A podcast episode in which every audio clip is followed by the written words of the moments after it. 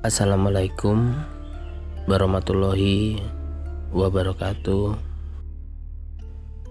Kembali lagi bersama saya Ki Sewu.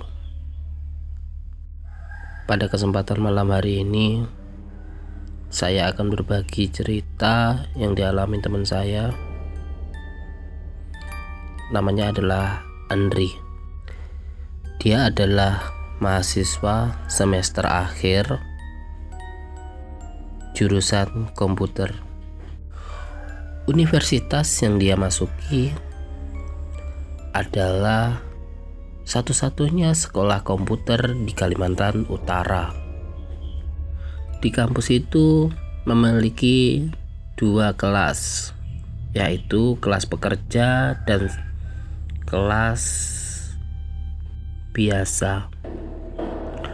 Untuk kelas biasa masuk jam 6 sampai jam 5 sore.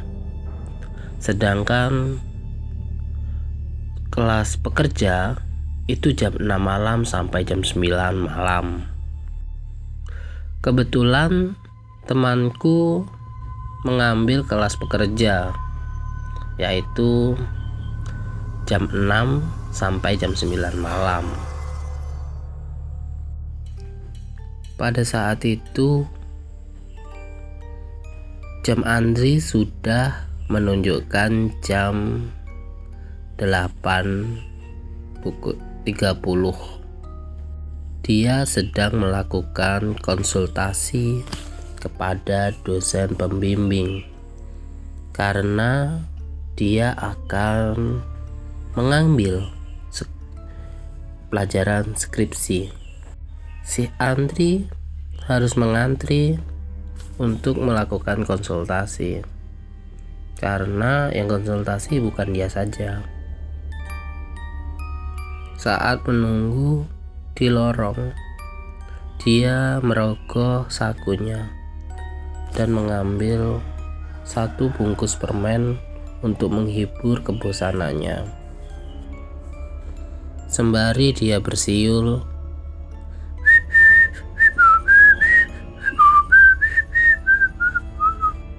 tetapi dia tidak sadar bahwa kakeknya pernah bilang bahwa bersiul itu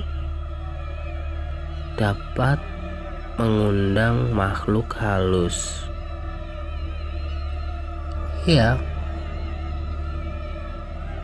dia terus bersiul, bersiul, siul terus, padahal jam menunjukkan jam 8.30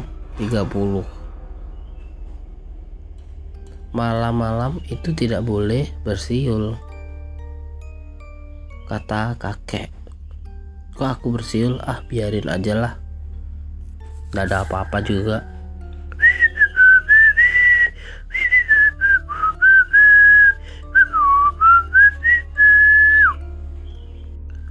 Tidak lama kemudian,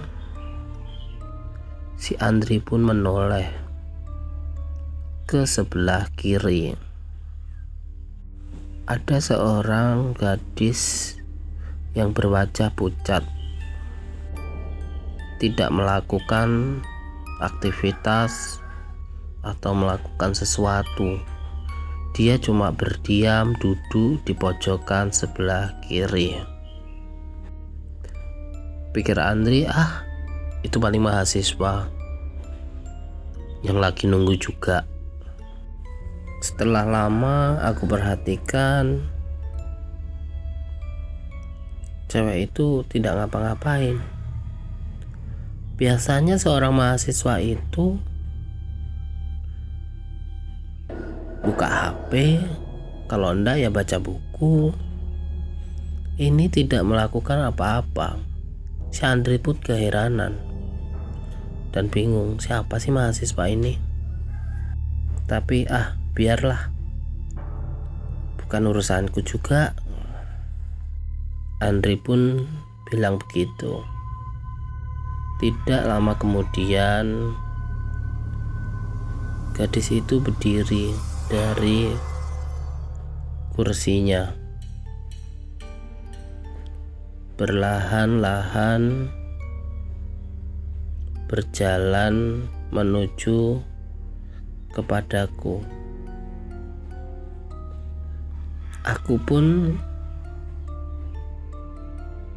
heran kenapa dia ke sini apakah sudah gilirannya? Tapi kan aku duluan yang datang. Kok dia yang mau masuk aku biarin aja dia ke mana dia kan tetapi gadis itu tidak ke ruangan dosen melainkan melewati aku yaitu ke kamar mandi yang berada tepat di sebelah kanan ujung jalan. Wanita itu berjalan pelan-pelan, pelan, langsung menuju ke kamar mandi itu. Pikirku, ah, ternyata wanita itu wanita itu pengen kencing.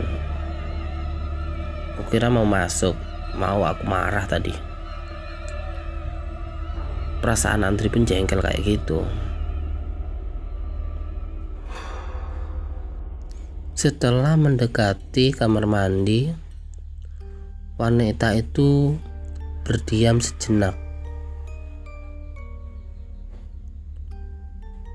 dan langsung masuk ke kamar mandi tapi Aku heran, kenapa kau tidak membuka pintu kamar mandi, melainkan menembus pintu kamar mandi. Di situ pun aku kaget. Hah? Kok wanita itu bisa nembus?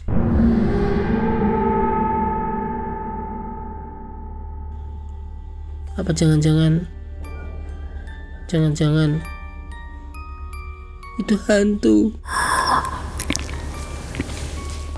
Aku pun ketakutan. Dan aku mengingat pesan kakekku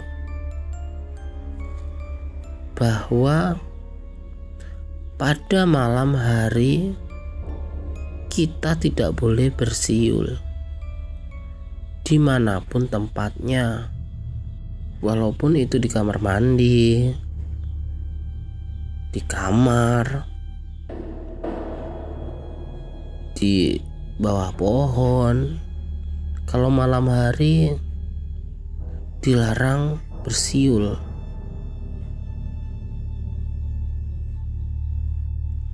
Lalu aku berdiri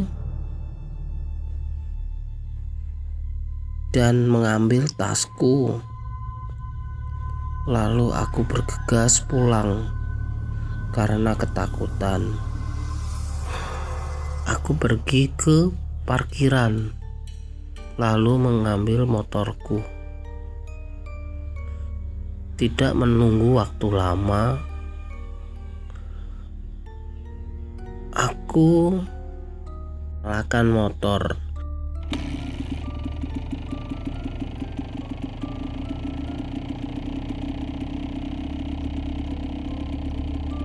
aku langsung kugas sekencang-kencangnya untuk pulang ke rumah dan menemui kakekku. Dan aku meminta pendapat kakek bagaimana biar aku tidak melihat wanita itu lagi. Aku sudah ketakutan. Langsung aku kebut sampai rumah. Speedometer menunjukkan parah 80 kencang sekali. Sesampai di rumah, aku langsung menemui kakek dan menceritakan semua yang terjadi dan yang aku lihat pada hari itu.